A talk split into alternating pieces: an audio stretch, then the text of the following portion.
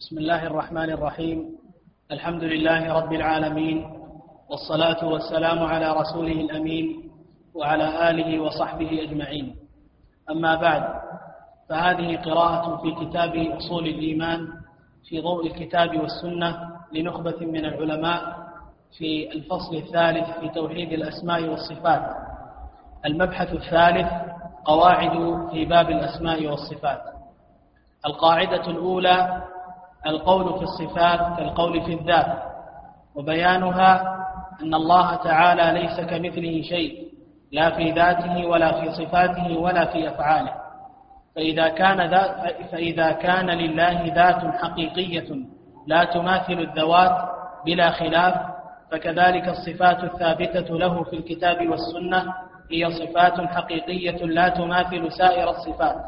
فالقول في الذات والصفات من باب واحد. الحمد لله. حمدا كثيرا طيبا مباركا فيه. وصلى الله وسلم وبارك على عبده ورسوله محمد وعلى آله وصحبه أجمعين. أما بعد هذا المبحث وآخر المباحث في هذه المادة متعلقة بباب الأسماء والصفات. وهو في ذكر بعض القواعد في باب الأسماء والصفات. ومن هذه القواعد وهي القاعدة الأولى القول في الصفات كالقول في الذات. هذه قاعدة عظيمة ذكرها شيخ الإسلام ابن تيمية رحمه الله في رسالة التدمرية وهي من أنفع القواعد في الرد على المخالفين. وبيانها أن لله تعالى أن الله تعالى ليس كمثله شيء لا في ذاته ولا في صفاته ولا في أفعاله.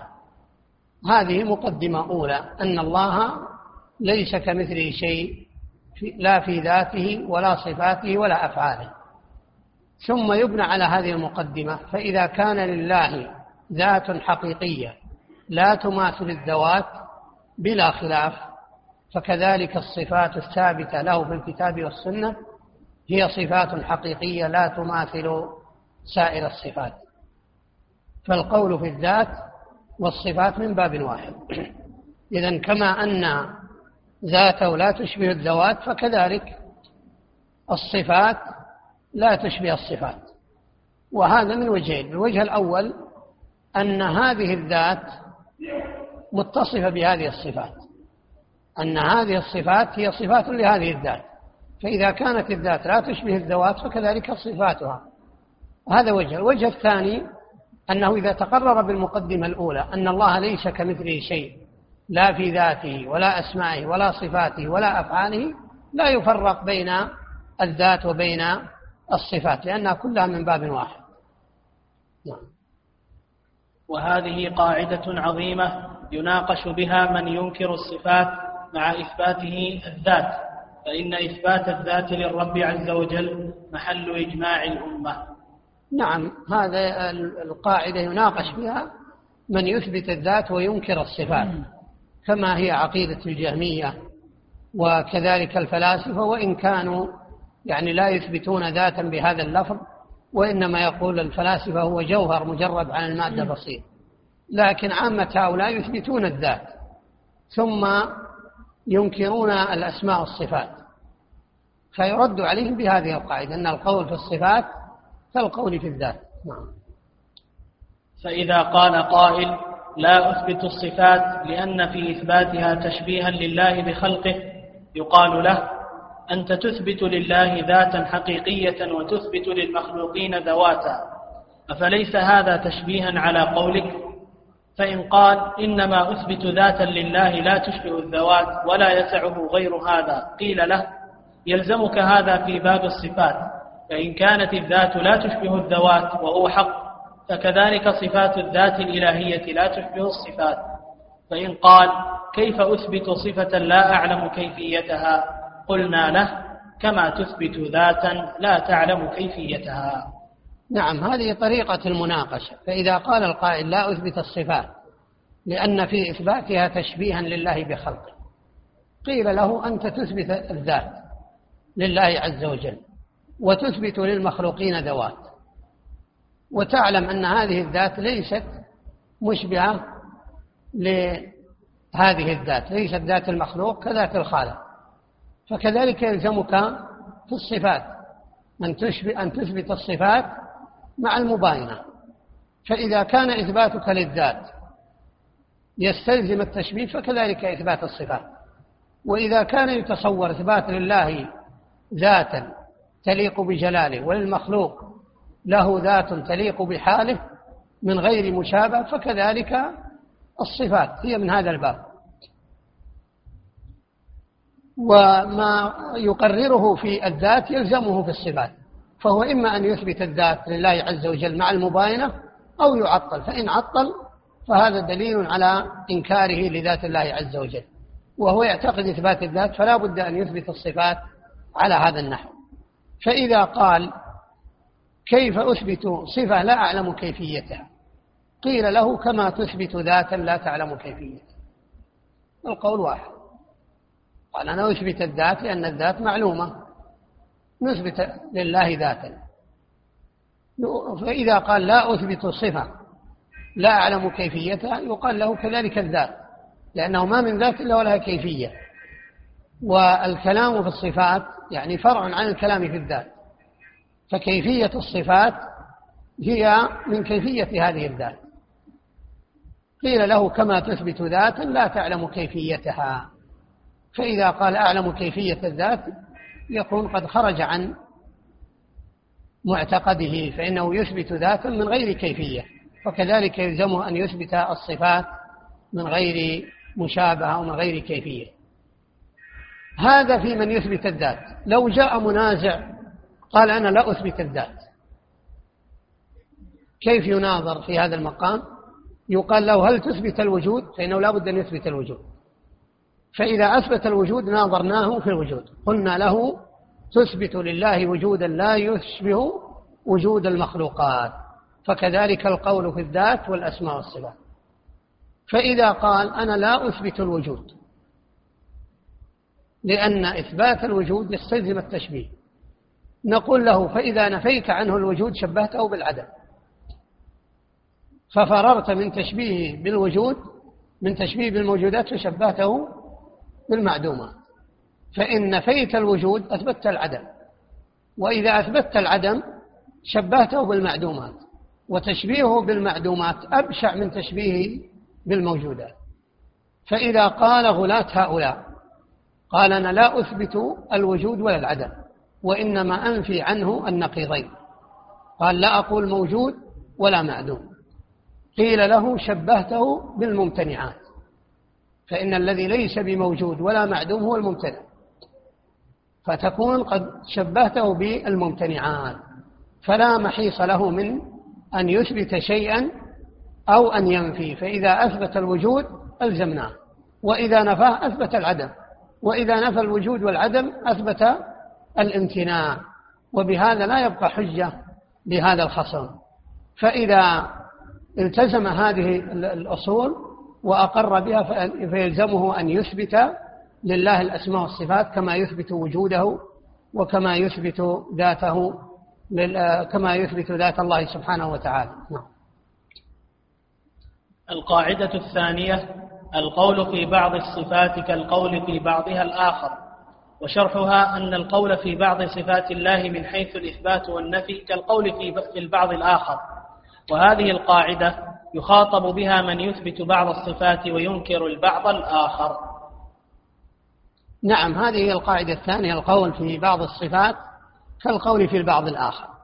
يعني القاعدة الأولى من يثبت الذات وينفي الصفات أو حتى ينفي الأسماء لأن الذين ينفون الصفات هم المعتزلة ويثبتون الأسماء والجهمية ينفون الأسماء والصفات فيناظر بالقاعدة الأولى الجهمية والمعتزلة وكذلك غلاة الجهمية والفلاسفة الذين ينفون عن الله النقيضين هذه القاعدة في من يثبت الذات ويثبت آه، بعض الصفات. ولهذا يصلح أن ي... الذي يثبت بعض الصفات أن يرد عليه بالقاعدة الأولى لأنه يثبت الذات ويثبت الأسماء. مثل الأشاعرة يثبتون الأسماء كذلك المعتزلة ويرد عليهم بإثبات آه، الذات وبإثبات الأسماء وبإثبات بعض الصفات. لكن هذه يرد بها على من يثبت بعض الصفات مع القاعدة الأولى. فيقال أن القول في بعض الصفات من حيث الإثبات والنفي كالقول في البعض الآخر. وهذه القاعدة يخاطب بها من يثبت بعض الصفات وينكر البعض الآخر. يقال له ما أثبته هو نظير ما نفيته فإن كان هذا تشبيه فهذا تشبيه. نعم. فإذا كان الرجل يثبت بعض الصفات كالحياة والعلم والقدرة والسمع والبصر وغيرها ويجعل ذلك كله حقيقة ثم ينازع في صفة المحبة والرضا والغضب وغيرها ويجعل ذلك مجازا فيقال له لا فرق بين ما أثبته وبين ما نفيته فالقول في أحدهما كالقول في الآخر فإن كنت تثبت له حياة وعلما وقدرة وسمعا وبصرا لا تشبه ما يثبت للمخلوقين الذين يتصفون بهذه الصفات فكذلك يلزمك أن تثبت له محبة ورضا وغضبا كما أخبره عن نفسه من غير مشابهة للمخلوقين وإلا وقعت في التناقض. نعم إذا كان الرجل يثبت بعض الصفات مثل الحياة والعلم والقدرة والسمع والبصر والكلام هذه عقيدة الأشاعرة يثبتون الصفات السبع. وينكر بعض الصفات الفعلية مثل المحبة والغضب والرضا والاستواء والنزول. يقال له لا فرق بين ما أثبته وما نفيته فالقول في أحدهما كالقول في الآخر. فإن كنت تثبت له حياة وعلما وقدرة وسمعا وبصرا لا تشبه ما يثبت للمخلوقين من ذلك فكذلك يلزمك أن تثبت له محبة وغضبا ورضا كذلك. فالقول واحد. فإذا قال أنا أثبت هذه الصفات بالعقل الصفات السبع. يقال له ويمكن أن تثبت هذه الصفات بالعقل في تدرج معلوم عند أهل العلم. فإذا قال أنا أثبت العلم والقدرة والسمع على ما يليق بجلاله ولا أثبت علم المخلوق ولا قدرة المخلوق يقال له وكذلك نحن نثبت محبة ورضا تليق بجلاله مختصة به. فإذا قال أنا لا أعلم حقيقة هذه الصفات ولا أعلم معنى المحبة والرضا والغضب فكيف أثبت صفة لا أعلم معناها؟ قيل له كما تثبت العلم والقدرة والسمع والبصر. فإذا فسر العلم والقدرة بتفسيرات يلزمه هذا فيما ينفي. فإذا فسر هذه بما يعرف من صفات المخلوقين يقال العلم الذي أثبته علم المخلوق. فإذا قال علمه يليق بجلاله ويختص به قلنا له كذلك أثبت له محبة تليق بجلاله ومختصة به. إذا هذا طريق واحد إما أن ينفى الجميع وإما أن يثبت الجميع. فكل ما يحتج به في النفي يلزم به في الإثبات. القاعدة الثالثة الأسماء والصفات توقيفية. أسماء الله وصفاته توقيفية لا مجال للعقل فيها وعلى هذا فيجب الوقوف فيها على ما جاء به الكتاب والسنة فلا يزاد فيها ولا ينقص. لأن العقل لا يمكنه إدراك ما يستحقه الله تعالى من الأسماء والصفات. فوجب الوقوف على النص. قال تعالى ولا تقف ما ليس لك به علم. إن السمع والبصر والفؤاد كل أولئك كان عنه مسؤولا. نعم هذه القاعدة الثالثة وهو أن الأسماء والصفات توقيفية. ومعنى توقيفية يلتزم في إثباتها أو نفيها النص لا مجال فيها للإجتهاد. نقول أسماء الله وصفاته توقيفية لا مجال للعقل فيها. وعلى هذا فيجب الوقوف فيها على ما جاء به الكتاب والسنة. فلا يزاد فيها ولا ينقص لأن العقل لا يمكنه أن يدرك ما يستحقه الله عز وجل من الأسماء والصفات. وقد حرم الله عز وجل القول عليه بغير علم. قال ولا تقف ما ليس لك به علم. إن السمع والبصر والفؤاد كل أولئك كان عنه مسؤولا. وأعظم ما يجب أن يوقف فيه عند حدود النص الأسماء والصفات فهي توقيفية من جهتين من جهة الإثبات ومن جهة النفي. فلا إثبات إلا بدليل ولا نفي إلا بدليل. وقد كان أئمة الإسلام على هذا المنهج. قال الإمام أحمد رحمه الله لا يوصف الله إلا بما وصف به نفسه أو وصفه به رسوله لا يتجاوز القرآن والحديث. نعم هذه بعض الآثار عن السلف الدالة على التزامهم بهذا الأصل. كما قال الإمام أحمد لا يوصف الله إلا بما وصف به نفسه أو وصفه به رسوله لا يتجاوز القرآن والحديث. هذا دليل على التزام السلف للنصوص في هذا الباب وأنه لا يوصف الله إلا بما وصف به نفسه أو وصفه به رسوله صلى الله عليه وسلم نعم. وقرر بعض أهل العلم أن العلم بالشيء حتى يمكن وصفه له ثلاثة طرق إما رؤيته أو رؤية مثيله أو وصفه ممن يعرفه وعلمنا بربنا وأسمائه وصفاته محصور في الطريق الثالث وهو وصفه ممن يعرفه وليس أحد أعلم بالله من الله ثم, رسول ثم رسله الذين أوحى إليهم وعلمهم فوجب لزوم طريق الوحي في أسماء الله وصفاته إذ لم نر ربنا في الدنيا فنصفه وليس له مثيل من خلقه فيوصف بوصفه تعالى ربنا وتقدس. أيضا من المسائل المقررة في هذا الباب أن معرفة حقيقة الشيء لها ثلاث طرق. إما رؤية الشيء أو رؤية مثيله أو الوصف. والله عز وجل لم نره في الدنيا فنصفه. وليس له مثيل فيقاس عليه. فما بقي طريق للعلم به إلا الوصف. وليس هناك أحد أعرف بالله عز وجل من رسله الذين أوحى إليهم هذا الباب.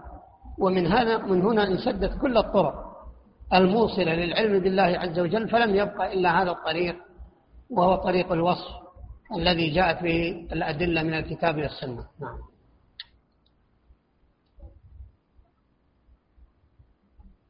القاعدة الرابعة أسماء الله كلها حسنى.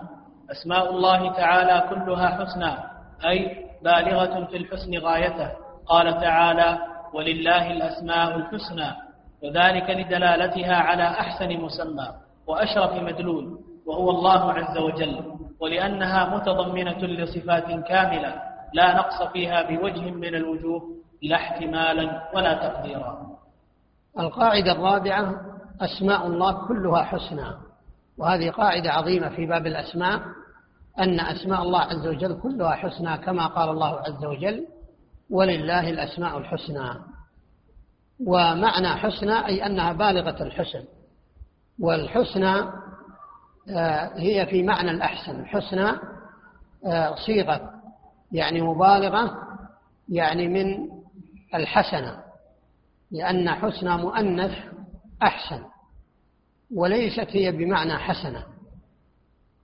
ولهذا لو كانت حسنة لقال ولله الأسماء الحسنة وإنما قال الحسنى فالحسنى بمعنى الأحسن ولكنها مؤنث من الأحسن.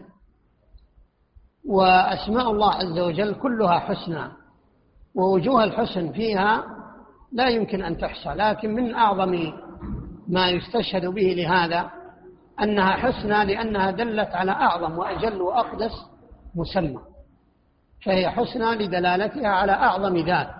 وعلى أجل مسمى وعلى أقدس مسمى.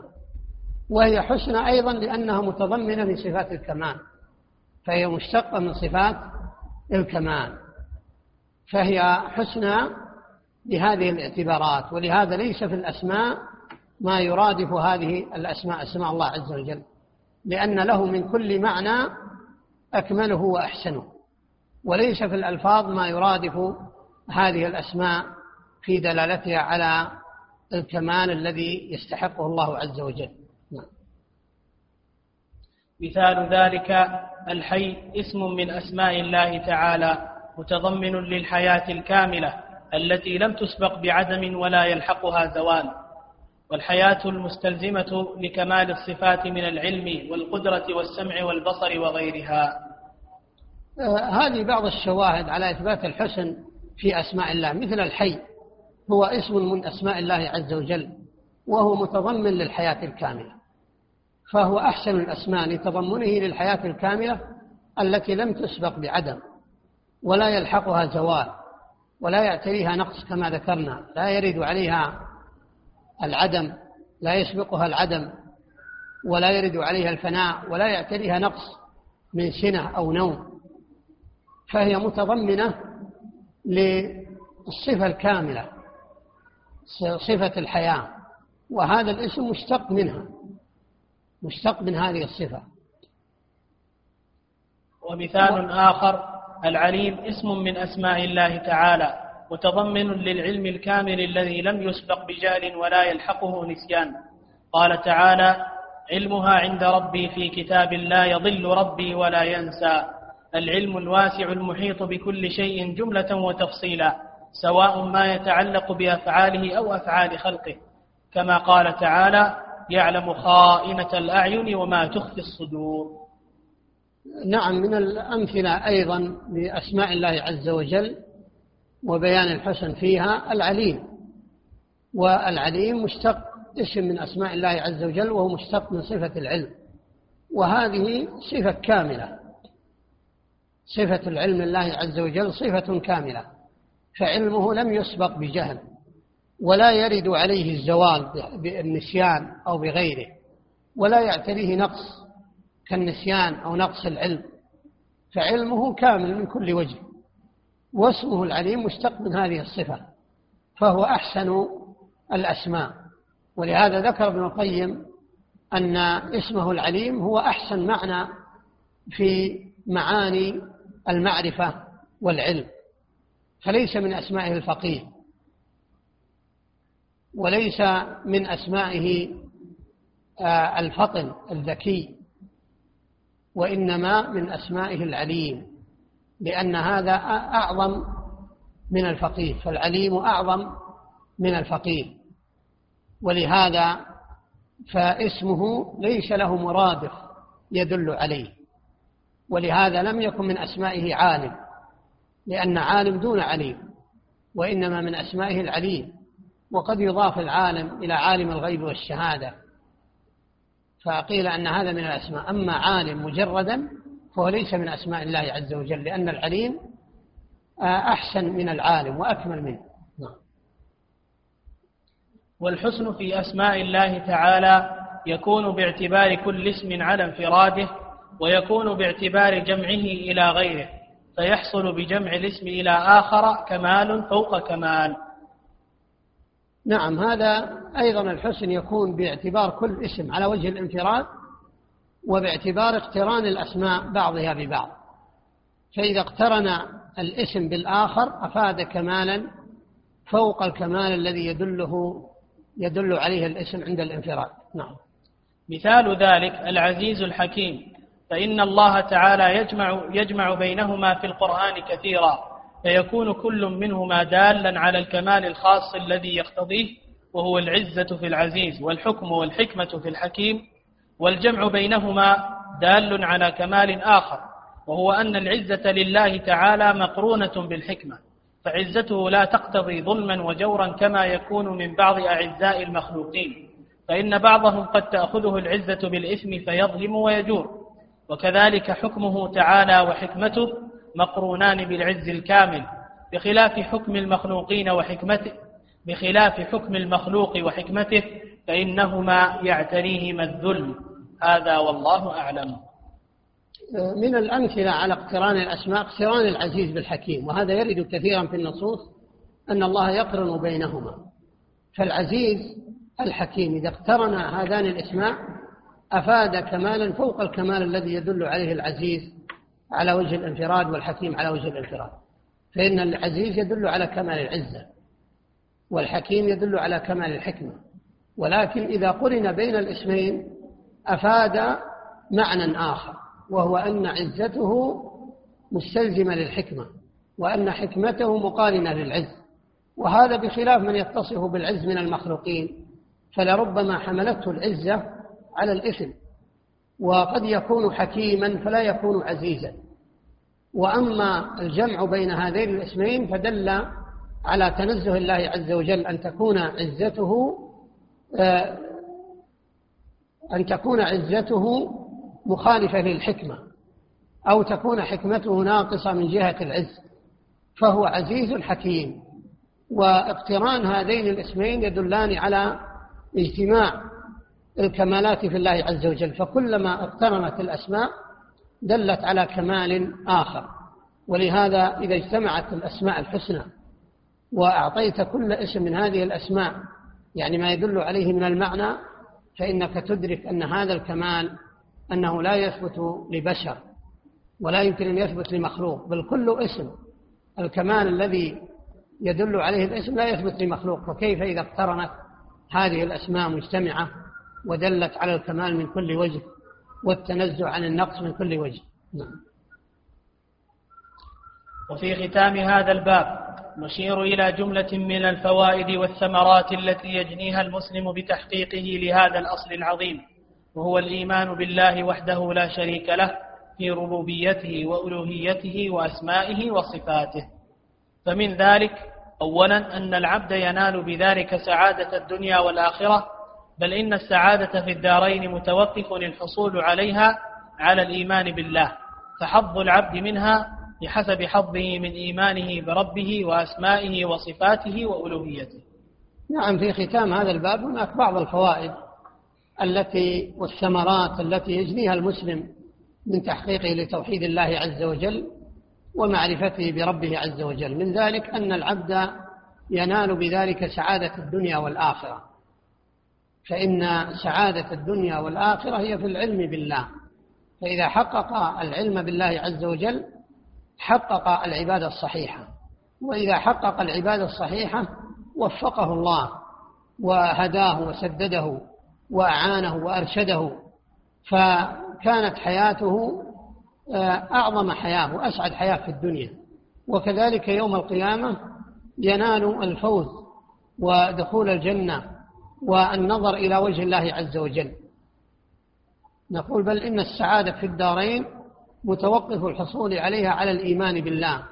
لا سبيل إلى السعادة إلا بالإيمان بالله عز وجل. وسائر ما يدعى من أنواع السعادة أو من أنواع اللذات هي زائفة وهي زائلة ولا يبقى من اللذات إلا ما كان متعلقا بالعلم بالله وبأسمائه وصفاته. فحظ العبد منها بحسب حظه من إيمانه بربه وأسمائه وصفاته وألوهيته. هكذا السعادة في الدنيا ينال العبد منها بقدر ما حقق من علمه بالله عز وجل وتحقيقه لتوحيد الله عز وجل في ربوبيته وأسمائه وصفاته وألوهيته. ثانيا إيمان أن إيمان العبد بربه وأسمائه وصفاته هو أعظم أسباب خوفه سبحانه وخشيته وتحقيق طاعته. فكلما كان العبد بربه أعرف كان إليه أقرب ومنه أخشى ولعبادته أطلب وعن معصيته ومخالفته أبعد. نعم من الثمار أن العبد أن إيمان العبد بربه وأسمائه وصفاته هو أعظم الأسباب التي تورث الخوف والخشية. وتعظيم الله عز وجل. وإذا كان كذلك كان العبد أقرب إلى الله عز وجل وأعظم الناس تحقيقا لعبادته. كما قال الله عز وجل إنما يخشى الله من عباده العلماء. وكلما كان العبد أخوف وأخشى لله كان أعظم عبادة. وكلما كان أعظم عبادة كان أقرب إلى الله عز وجل. ثالثا أن العبد ينال بذلك طمأنينة قلبه وراحة نفسه وأنس خاطره والأمن والاهتداء في الدنيا والآخرة. والله تعالى يقول الذين آمنوا وتطمئن قلوبهم بذكر الله ألا بذكر الله تطمئن القلوب؟ أيضا من الثمار أن العبد ينال بذلك طمأنينة القلب وراحة النفس وأنه يكون في حياة مستقرة ومطمئنة. ويأبى الله عز وجل إلا أن تكون طمأنينة القلب وراحة القلب وصلاح القلب إلا بمحبته والإيمان به. ولهذا لا يمكن أن ينال السعادة الحقيقية إلا من كان مؤمنا. لاحظوا الكفار الذين ملكوا الدنيا وسخروا المخترعات للذاتهم وما من لذة يعني مباحة أو محرمة إلا سخروها لتحقيق رغبات النفس. فما الذي أورثهم هذا؟ هل أورثهم سعادة؟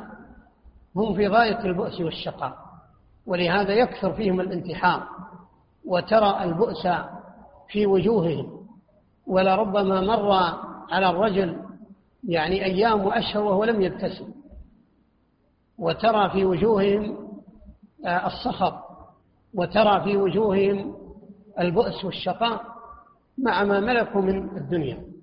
بينما لو رأيت رجل أعرابي في الصحراء لربما لا يجد وضوءه وشربه إلا بمشقة يحصل عليه من الآبار العميقة ثم يتوضأ ويذكر الله ويصلي فإذا أقبلت عليه ابتسم في وجهه ورأيت السعادة في وجهه. وطمأنينة القلب. إذا أصابه مرض قال الحمد لله نحن على خير. ونعم الله علينا كثيرة. وهو دائما يذكر نعم الله عز وجل عليه. وهو في غاية السعادة. ليس عنده طائرة وليس عنده فلل ولا وسائل حديثة يعيش في صحراء. ومع هذا هو سعيد. بما؟ بالإيمان وبتقوى الله عز وجل. وهذا كما قال الله عز وجل الذين آمنوا وتطمئن قلوبهم بذكر الله. ألا بذكر الله تطمئن القلوب؟ يعني الله عز وجل خلق الإنسان مركبا من روح وجسد. فالروح لها غذاء والجسد له غذاء. فلا يمكن للروح أن تبقى بغذاء الجسد.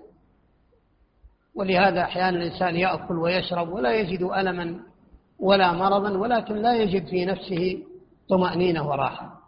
فإذا راجع نفسه تذكر أنه مفرط في أمر من الأمور. تذكر أنه لديه شيء من الواجبات نسيه. فإذا قام به رجعت إليه الطمأنينة وانشراح الصدر. يأبى الله عز وجل أن يجعل هذه القلوب مطمئنة سعيدة إلا بالإيمان به وبمحبته. ولهذا كلما حقق العبد الإيمان بالله وتعظيم الله عز وجل وعرف الله بأسمائه وصفاته اطمأن قلبه وعرف أن ما أن ما ذهب من هذه الدنيا أنه لا يساوي شيء بالنسبة للآخرة لأنه ينظر إلى ما عند الله عز وجل. فلا يحزن على ما فاته من الدنيا ولا يتحسر ولا يتسخط ومهما أصيب من الأمراض والبلاء فهو يعلم أن ما عند الله له خير. ولهذا تجده منشرح الصدر بخلاف من ليس له هم إلا الدنيا. فإذا ذهب شيء منها تحسر ولربما قتل نفسه ولربما يعني عاجل ربه بنفسه وقتل نفسه تسخطا على أقدار الله عز وجل. نعم. رابعا أن نيل ثواب الآخرة متوقف على الإيمان بالله وصحته فبتحقيقه وتحقيق لوازمه ينال العبد ثواب الآخرة فيدخل جنة عرضها السماوات والأرض. فيها من النعيم ما لا عين رأت ولا أذن سمعت ولا خطر على قلب بشر. وينجو من النار وعذابها الشديد. وأعظم من ذلك كله أن يفوز برضا الرب سبحانه فلا يسخط عليه أبدا. ويتلذذ يوم القيامة بالنظر إلى وجهه الكريم في غير ضراء مضرة ولا فتنة مضلة. نعم هذه من أعظم الثمار للإيمان بالأسماء والصفات وتعظيم الله عز وجل أن العبد ينال ثواب الله ورضا الله والفوز بجنته بتحقيقه للعلم بالله عز وجل ولتحقيقه توحيد الله عز وجل. لأن الإيمان ولأن الأعمال الصالحة مبناها على الإيمان. والإيمان لا يصح إلا بالإيمان بالله عز وجل والرضا به ربا وبالإسلام دينا وبمحمد صلى الله عليه وسلم نبيا وكذلك العبادة التي شرعها الله لعباده وهي توحيد الله بأفعال. المخلوقين فإن العبد لا يمكن أن تقبل أعماله إلا إن كانت موافقة للسنة تكون خالصة لله صوابا على وفق السنة. فعلى قدر إيمانه بالله وتحقيقه لعبادته على الوجه المشروع ينال الفوز والرضا من الله عز وجل. بل ينال الرضا من الله عز وجل وهي منزلة عالية فوق منزلة المغفرة. فإن الرضا أن يرضى الله عز وجل عن عبده. ولهذا نحن الآن نترضى عن الصحابة ونترحم على من بعدهم نقول في الصحابة رضي الله عنهم لأن مقامهم عظيم ولأن الله أخبر أنهم رضي عنهم ورضوا عنه. وأما من بعدهم فنترحم عليهم لأنهم دون الصحابة في الفضل. كذلك من أعظم اللذات التي ينالها العبد يوم القيامة الفوز بلقاء الله وبالنظر إليه والتلذذ بالنظر إلى وجه رب العالمين. أعظم نعيم وأعظم سعادة. ولهذا كلما كان العبد بالله أعرف ولله يعني معظما محققا لأنواع التوحيد كلما كان أسعد بالنظر لوجه الله عز وجل يوم القيامة نعم. خامسا أن الإيمان بالله هو الذي يصحح الأعمال ويجعلها مقبولة فبفقده لا تقبل بل ترد على صاحبها وإن كثرت وتنوعت قال تعالى ومن يكفر بالإيمان فقد حبط عمله وهو في الآخرة من الخاسرين. وقال تعالى ومن أراد الآخرة وسعى لها سعيها وهو مؤمن فأولئك كان سعيهم مشكورا. نعم أن من الثمار أن الإيمان بالله هو الذي يصحح الأعمال ويجعلها مقبولة. لأن من عرف الله عز وجل عبد الله بإخلاص ومن عرف السنة عبد الله بمتابعة وهذا هو شرط العمل أن يكون العمل خالصا صوابا فعلى قدر تحقيق الإخلاص لله عز وجل وهذا من ثمار العلم بالله. وتحقيق المتابعة وهذا من ثمار العلم بالسنة يكون العمل مقبولا. كما قال الفضيل بن عياض في قول الله عز وجل ليبلوكم أيكم أحسن عملا قال أخلصه وأصوبه فإن العمل إن كان خالصا ولم يكن صوابا لم يقبل. وإن كان صوابا ولم يكن خالصا لم يقبل. وهذا كما قال الله عز وجل ومن يكفر بالإيمان فقد حبط عمله وهو في الآخرة من الخاسرين. هذا شرط العامل يعني الأعمال تقبل بشروط معتبرة في العامل وفي العمل فشرط العامل الإيمان. فإذا كفر العبد والعياذ بالله لم يقبل الله منه عملا وشروط العمل الإخلاص والمتابعة الشرط العمل الإخلاص والمتابعة. قال تعالى ومن أراد الآخرة وسعى لها سعيها وهو مؤمن فأولئك كان سعيهم مشكورا. من أراد الآخرة وسعى لها سعيها وهو مؤمن. سعى لها سعيها بما شرع الله عز وجل من السعي المشروع وهو مؤمن مخلص يريد بعمله وجه الله عز وجل. سادسا أن الإيمان الصحيح بالله يحمل صاحبه على التزام الحق واتباعه علما وعملا ويكسب العبد الاستعداد التام لتلقي المواعظ النافعة والعبر المؤثرة ويوجب سلامة الفطرة وحسن القصد والمبادرة إلى الخيرات ومجانبة المحرمات والمكروهات ولزوم الأخلاق الحميدة والخصال الكريمة والآداب النافعة. نعم هذه من أعظم الثمار. أن الإيمان الصحيح بالله يحمل صاحبه على التزام الحق واتباع واتباعه علما وعملا. وكلما كان العبد أعرف بالله عز وجل وجدت فيه رقة القلب وقرب الاستقامة. حتى لو أخطأ فإذا ذكرته تذكر وإذا وعظته رجع وأنام. وهذا بخلاف القلوب البعيدة عن الله عز وجل فهي قاسية والعياذ بالله. ولهذا المؤمن ما أن تقول له اتق الله حتى ترتعد فرائصه ويفيق وكأنه في غفلة ويرجع ويقول استغفر الله وأتوب إليه. لأنه قريب إذا ذكرته الله تذكر ربه فهو معظم لله عز وجل. وأما أصحاب الجهل فإذا قلت له اتق الله لا يجد هذا الأثر الذي يجده من كان عالما بالله وبأسمائه وصفاته. ولهذا بعض الجهل تقول له اتق الله يقول له اتق الله أنت. اتق الله أنت. كأنك يعني تشتمه يقابل النصيحة بنصيحة. هذا طيب. كونه يقول اتق الله أنت. لكن هو يظن أنها شتم وسب. إذا قلت له اتق الله قال اتق الله أنت. كما نسمع من بعض الجهل هذه أعظم نصيحة. الإنسان إذا قلت له اتق الله تذكر. وما من مسلم يعني يعرف الله بأسماء وصفاته. فإذا قلت له اتق الله تذكر. وأناب ورجع.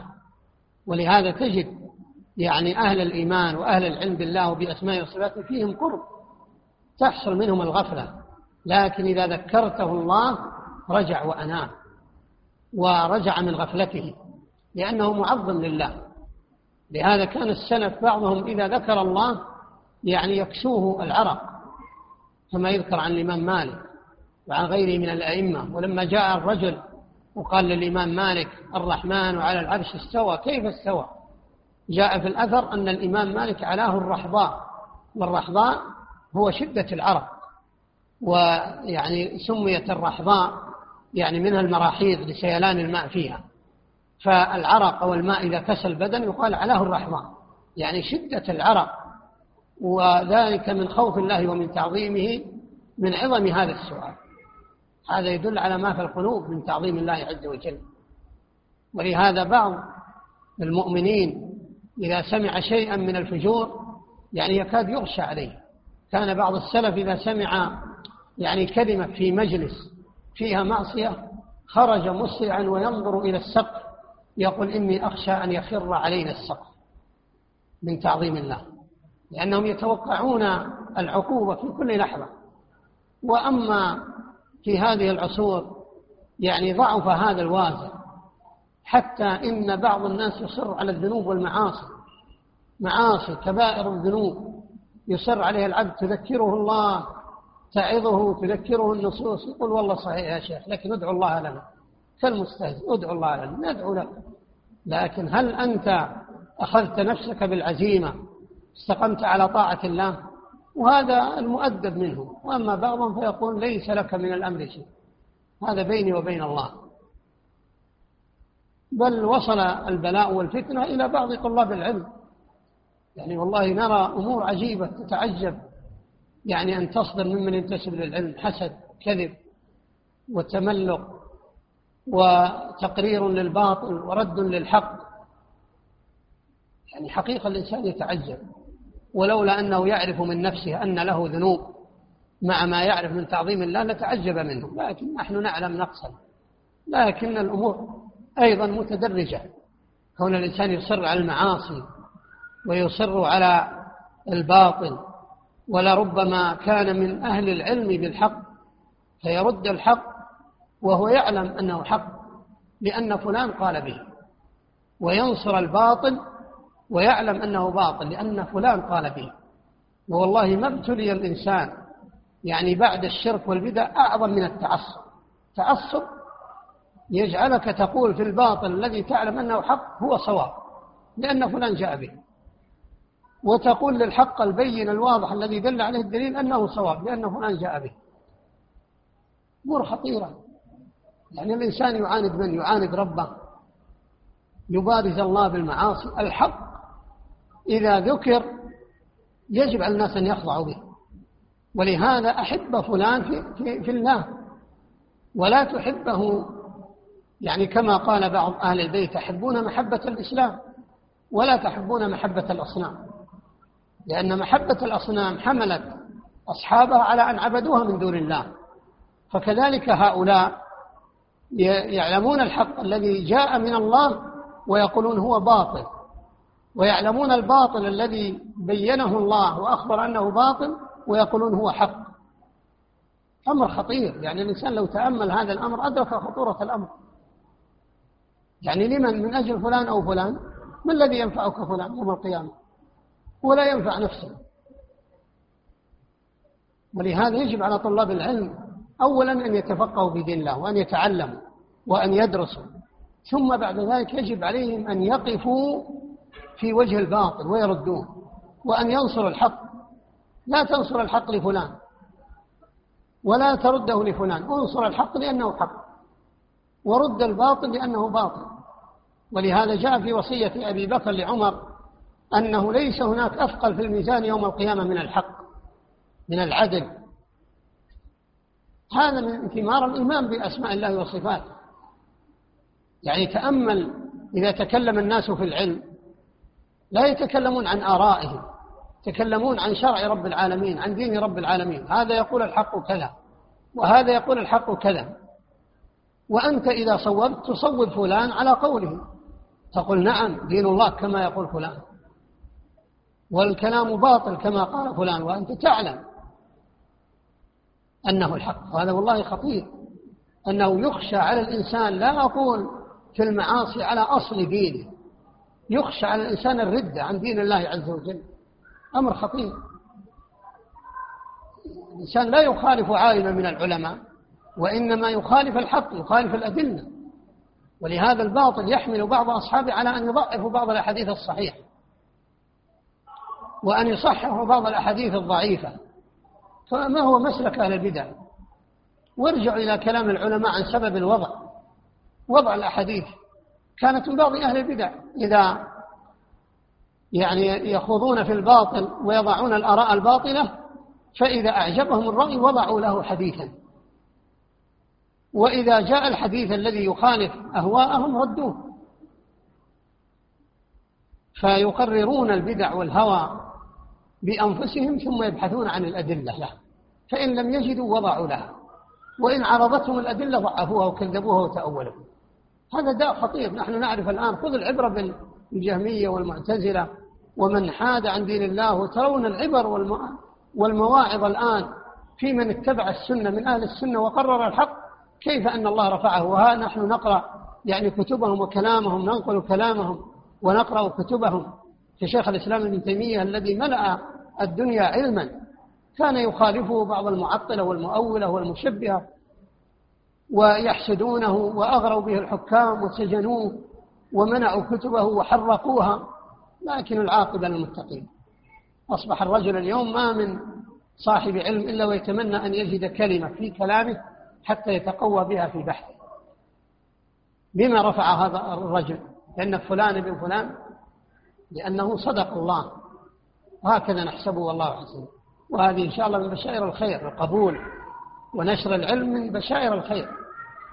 فخذ العبرة. أين الإمام أحمد من أبي من ابن من ابن أبي دؤاد الذي كان خصما لدودا له؟ أين أحمد بن حنبل من ابن أبي دؤاد الذي كان مناظرا للقول بخلق القرآن؟ وهكذا انظر إلى خصوم أهل السنة في كل عصر. كيف آلت الأمور بهم وكيف آل الأمر بنصرة أهل السنة نعم. سابعا أن الإيمان بالله ملجأ المؤمنين في كل ما يلم به لهم من شرور وحزن وأمن وخوف وطاعة ومعصية وغير ذلك من الأمور التي لا بد لكل أحد منها. فعند المحاب والسرور يلجؤون إلى الإيمان بالله فيحمدون الله ويثنون عليه ويستعملون نعمته فيما يحب. وعند المكاره والأحزان يلجؤون إلى الإيمان بالله فيتسلون بإيمانهم وما يترتب عليه من الأجر والثواب. وعند المخاوف والأحزان يلجؤون إلى الإيمان بالله فتطمئن قلوبهم ويزداد إيمانهم وتعظم ثقتهم بربهم. وعند الطاعات والتوفيق للأعمال الصالحات يلجؤون إلى الإيمان بالله فيعترفون بنعمته عليهم ويحرصون على تكميلها ويسألونه الثبات عليها والتوفيق لقبولها. وعند الوقوع في شيء من المعاصي يلجؤون إلى الإيمان بالله فيبادرون إلى التوبة منها والتخلص من شرورها وأوضارها. فالمؤمنون في جميع تقلباتهم وتصرفاتهم ملجأهم إلى الإيمان بالله وحده. نعم هذه من ثمار الإيمان بالله وبأسمائه وصفاته أن المؤمن يلجأ إلى الله عز وجل في كل لحظة وفي كل حين. فإذا أنعم الله عليه بنعمة شكر الله وأثنى على الله وإذا ابتلاه الله عز وجل ببلاء صبر وحمد الله على تقديره. وإذا رأى بلاء أصاب الناس وعافاه الله منه عرف منة الله عليه. إذا رزقه علما عرف أن الله هو المنعم المتفضل. إذا قدر عليه ذنبا عرف أن الله ما قدر عليه ذنبه إلا بسبب تقصير منه. إذا أنعم الله عليه بنعمة عرف أن الله هو المعطي وهو الواهب. وأنه ليس له شيء إلا أن الله أنعم عليه وتفضل عليه فهو دائم بين الشكر والصبر كما جاء في الحديث يقول النبي صلى الله عليه وسلم عجب الله لأمر المؤمن إن أمره كله خير إن أصابته سراء شكر فكان خيرا له وإن أصابته ضراء صبر فكان خيرا له.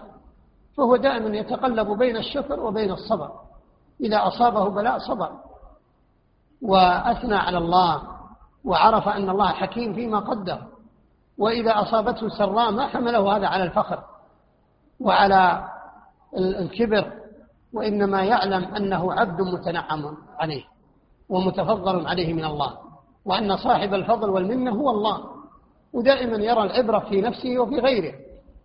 فكما أن الله خلقه وجعل له عقلا جعل لغيره من الناس عقولا لكنهم لم يهتدوا. فدل على أن الله هو الذي من عليه.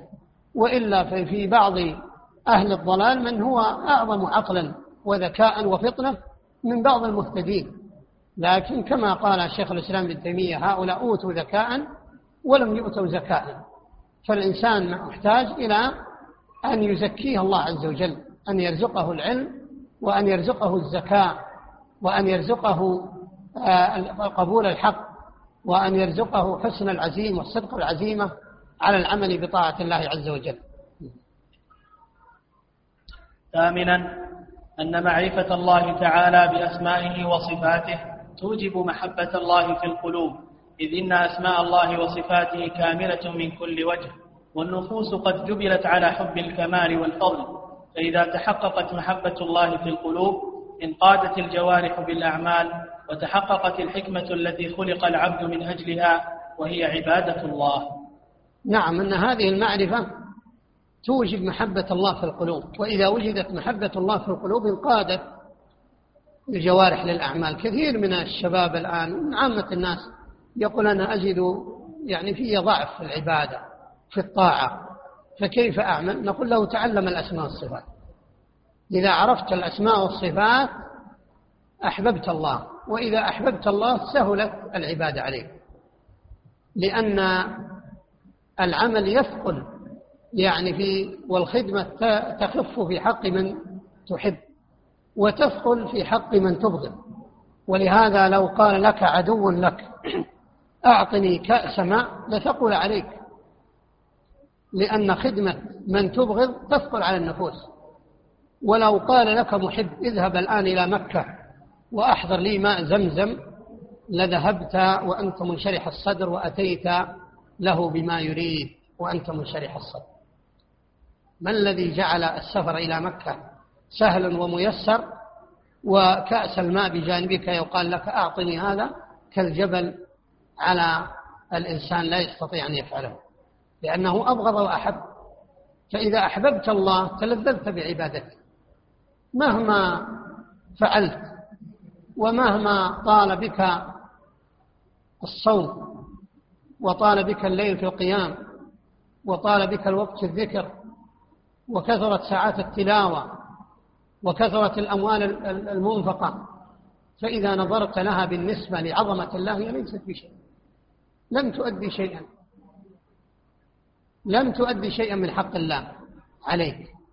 نعم الله عليك. أنت تعامل الله بنعمه عليك. تعبد الله بهذه الجوارح التي من بها عليك تنفق المال من هذا المال الذي رزقك الله إياه. تنشر العلم بما وهبك الله من العلم هو المنعم المتفضل. فهذه من أعظم ما يعين العبد على عبادة الله عز وجل أنه يعرف الله بأسمائه وصفاته. فإذا عرفه بأسمائه وصفاته أحبه وإذا أحبه انقادت جوارحه لعبادته ولتعظيمه. تاسعا أن العلم بالأسماء والصفات يورث قوة اليقين بانفراد الله تعالى بتصريف شؤون الخلق وانفراده, وانفراده بذلك لا شريك له. وهذا مما يحقق صدق التوكل على الله في جلب المصالح الدينية والدنيوية وفي ذلك فلاح العبد ونجاحه فمن توكل على الله فهو حسبه. نعم أن العلم بالأسماء والصفات يورث قوة اليقين بانفراد الله تعالى بتصريف شؤون الخلق. وهذا أمر عظيم مما يعين الإنسان يعني على التوكل مما يعينه على الشجاعة في الحق مما يعينه على الصدق في دعوته. لأنه يعلم أن الأمور كلها بيد الله تصريف الأمور من الله الخلق كلهم الإنس والجن لو قاموا في صعيد واحد ما استطاعوا أن ينفعوا عبدا شيئا. ولو قاموا في صعيد واحد ما استطاعوا أن يضروه شيئا كما صرح النبي صلى الله عليه وسلم بذلك لابن عمه ابن عباس. فإذا عرف الإنسان هذا الأمر وتقررت لديه هذه الحقيقة فإنه لا يمكن أن ينصرف بوجهه لغير الله عز وجل. لا يخاف إلا الله. لا ينصرف بقلبه إلا لله عز وجل لا يريد بعمله إلا وجه الله لأن الناس جبلت النفوس على طلب الخير ممن يملكه وعلى دفع الشر ممن يستطيع أن يدفعه. فليس للخلق مقدرة على جلب خير أو دفع شر. هذا مما نؤمن به جميعا. لكن الناس يتفاوتون في اليقين. يتفاوتون في هذا اليقين. ولهذا يضعف الإنسان. فيخشى يقول لو قلت فلان لو كلمت فلان لو عرضت فلان يعني لربما أضرني. بل الآن بعض الناس يوافق على الباطل من أجل أن لا يذب. يعني لو قيل لك أنت ضعيف التدين أنت لست بصاحب سنة بعض الناس يخشى أن تقال له هذه الكلمة فيضطر للموافقة. طيب ما الذي يضرك الآن؟ لو قيل لك مبتدع لو قيل لك كافر وأنت عند الله بالمنزلة التي ترجو إن شاء الله أنت أنك على خير. ما ضرك. ولهذا انظر إلى منزلتك عند الله. لا تنظر إلى منزلتك عند الخلق. فإذا كنت مقيما على طاعة الله تراقب الله عز وجل. مؤدي لحق الله مراقب لله يعلم الله منك الإخلاص يعلم الله منك أنك لا تعرف الحق وتخالفه تعرف الباطل وتأتيه وإنما مقبل على طاعة الله مجتهد. تعلم من نفسك التقصير وتستغفر وتنيب إلى الله عز وجل فأنت على خير. لا يضرك بعد ذلك ما قال الناس فيه. فالإنسان ينظر لمنزلته عند الله لا تنظر لمنزلتك عند الناس. لأنه كما جاء في الحديث ثلاثة أول من تسعر بهم النار والعياذ بالله رجل عالم والآخر شجاع والآخر ينفق فهؤلاء أول من تسعر بهم النار. فيقال للعالم يذكر نعمة الله عليك فيقول تعلمت العلم وعلمته فيك. يقال كذب. إنما تعلمته ليقال عالم وقد قيل. انظروا إلى منزلته عند الناس عالم إمام علامة. قد يقال شيخ الإسلام مفتي الأنام. لا تنظر لهذه الألقاب. ولهذا كان السلف يكرهون هذه الألقاب. ويشددون على وصفهم بها. هذا لا ينفعه قال عالم العلامة. ما أكثر الآن علامة. هذا يطلق على الكبير والصغير. لكن منزلته يوم القيامة يقال له كذبت. إنما تعلمت يقال عالم. وقد قيل. هذا الذي تريد قد قيل. فيزج به في النار. الآخر شجاع. يضرب بسيفه في المعركة ويقاتل. فيقال قاتلت فيك يقال إنما قتلتني يقال شجاع. قيل شجاع. وقد قيل ثم يزج به في النار. والآخر منفق يقال إنما أنفقتني يقال سخي جواد وقد قيل. فيزج به ولهذا والله هذا الحديث مخيف فأنت لا تغتر لو قيل فيك عالم جواد شجاع. يضفون لك من الألقاب العالم الجليل العابد الزاهد الفاضل الكذا الكذا. لا تنظر لها لأن هذه مخادعة. إذا كنت كذلك عند الله فهذه لن تزيدك رفقا. وإن لم تكن كذلك فلن تنفعك عند الله. هذه ثمرة الإيمان بالأسماء والصفات تنظر إلى منزلتك عند الله. فإذا كان الناس يقولون فيك شيئا وأنت تعلم أن هذا ليس بصفة لك فلا ينفعك عند الله. العجيب أن نؤمن بكل هذه الأمور لكن عندما يأتي العمل نضعف ويداهم في دين الله ويرغب في الألقاب هذه لا ترفعك عند الله. تردد الآن كلمات أسقط فلان نسقط فلان. إما أن تقول كذا وإلا أسقطناك وإلا حذرنا منك وإلا هجرناك. طيب والنتيجة؟ يعني إذا هجرته هجرته الملائكة لا تكتب عمله. أبعده الله. هجر الناس لا يضر ولا ينفع. إلا إذا كان وفق الضوابط الشرعية فإنه يؤجر عليه. وأما إذا كان من الاعتداء والبغي فهو لا يضر إلا صاحبه. ولهذا لا تبالي ب يعني انصراف الناس عنك ولا تغتر بإقبالهم عليك. هذه فتنة عظيمة. بعض الناس الآن ينظر بكثرة الأتباع ويحزن لقلتهم. لا تنظر له الإنسان ينظر إلى ما قدم. فالعبرة بعمله وبقوله وبكتابه وبدرسه. ولا تنظر لكثرة الأتباع. لأن من أهل البدع من غلاة أهل البدع من لهم أتباع وتعظيم لشيوخهم مما لا يقارن بتعظيم طلاب العلم من أهل السنة لعلمائهم. هذا لا ينفعهم عند الله. ولهذا لا يغتر الإنسان بكثرة الأتباع وبكثرة الثناء وإنما ينظر إلى عمله. والله لو اجتمع أهل الأرض وذموك في مقام واحد لن ينقصك عند الله حسنة ولكن ذنبك الصغير الذي تفعله ولو كان في خلوة هذا الذي يضر. فالإنسان ما يخشى إلا على نفسه من ذنوبه. وأما الناس فلا يستطيعون أبدا. دلت النصوص ويقطع بهذا كل عاقل أن كيد الناس لا يضر العبد شيئا عند الله. لا يضره ولا ينفعه. ولكن الذي يضر الإنسان ذنوبه والذي ينفعه عمله الصالح.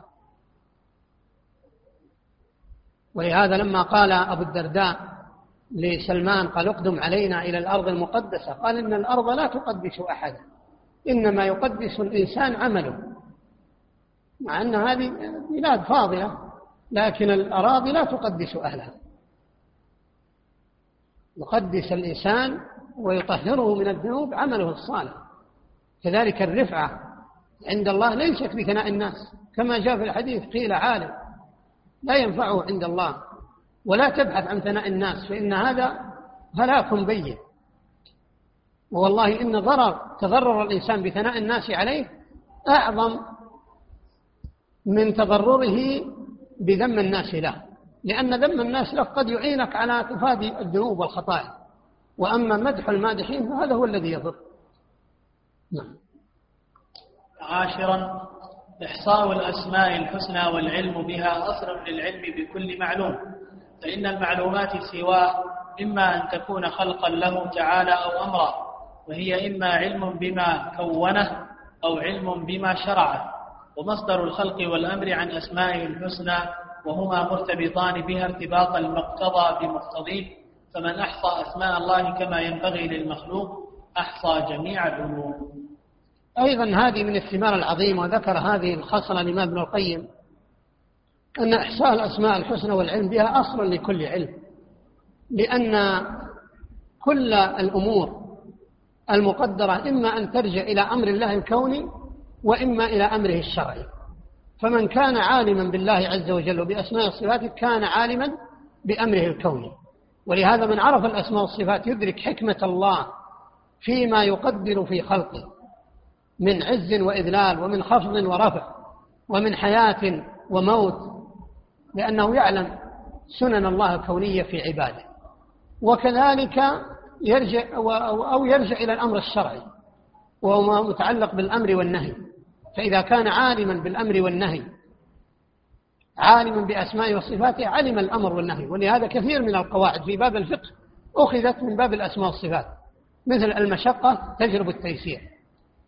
من أين أخذت هذه؟ من معرفة هؤلاء بأسماء الله وصفاته. من قول الله عز وجل يريد الله بكم اليسر ولا يريد بكم العسر. التكلف والتنطع مذموم على عند عامة العلماء. من أين أخذوه؟ من أن الله عز وجل ما أراد بنا العسر. ولهذا يقولون لا يتشدد ويشدد على الناس إلا جاهل. وكانوا يعدون الفقه في التيسير. لكن أي تيسير ما دلت النصوص على التيسير فيه. ليس هو التضييع الذي يذهب إليه بعض الجهلة. فالفقيه هو الذي يحسن التيسير على الناس بما يسر الله عليهم فيه. لا يشدد عليهم فيما وسع الله لهم فيه. وأما التشديد فيحسنه كل إنسان. الجاهل يحسن التشديد. فالعلم بأسماء الله وصفاته هي مفتاح كل علم. لأن الأمور إما أن ترجع إلى الأمر الكوني وإما إلى الأمر الشرعي. ومن عرف الله عز وجل بأسمائه وصفاته عرف الأمر الكوني والأمر الشرعي. نعم. ننتقل الآن إلى مبحث القدر وهو من المباحث التي أضيفت يعني لهذا الدرس بعد أن اعتذر بعض المشايخ فنستكمل يعني ما جاء في باب القدر وهي صفحات قليلة. نقرأها إن شاء الله. الفصل الخامس الإيمان بالقضاء والقدر ويشتمل على مبحثين. المبحث الأول تعريف القضاء والقدر وأدلة ثبوتهما مع بيان الفرق بينهما. المبحث الثاني مراتب القدر. نعم. المبحث الأول تعريف القضاء والقدر وأدلة ثبوتهما مع بيان الفرق بينهما. تعريف القضاء والقدر. القضاء لغة الحكم والفصل. وشرعا هو ما قضى به الله سبحانه وتعالى في خلقه من إيجاد أو إعدام أو تغيير. نعم هذا هو مبحث القدر. وكما تعلمون فإن الإيمان بالقدر هو ركن عظيم من أركان الإيمان ولا يتم الإيمان إلا به. والمبحث المتعلق بالقدر هنا مبناه على التعريف. بالقضاء والقدر ثم ذكر الفرق بين القضاء والقدر. فتعريف القضاء والقدر أولا تعريف القضاء. القضاء في اللغة هو الحكم والفصل. القضاء في اللغة هو الحكم والفصل ومنه سمي القاضي لأنه يقضي في المسائل ويحكم ويفصل فيها. وشرعا هو ما قضى به الله سبحانه وتعالى في خلقه من إيجاد أو إعدام أو تغيير. القضاء شرعا هو ما قضى الله عز وجل به في خلقه من إيجاد أو إعدام أو تغيير. ولهذا عندما يعرض للناس شيء يقال قضاء الله. قدر الله وما شاء فعل قضى الله وما شاء فعل. أي أن الله قضى بهذا وهو ما أوجده في خلقه. يقال هذا قضاء الله هذا قضاء الله هذا حكم الله. من إيجاد للمخلوقات أو إعدام. أو قبض للأنفس أو تغيير من حال إلى حال. كل هذا من قضاء الله عز وجل في خلقه. نعم. والقدر مصدر قدرت الشيء أقدره إذا أحط بمقداره. والقدر في الشرع هو ما قدره الله تعالى في الأزل أن يكون في خلقه بناء على علمه السابق بذلك. والقدر مصدر قدرت الشيء أقدره إذا أحط بمقداره.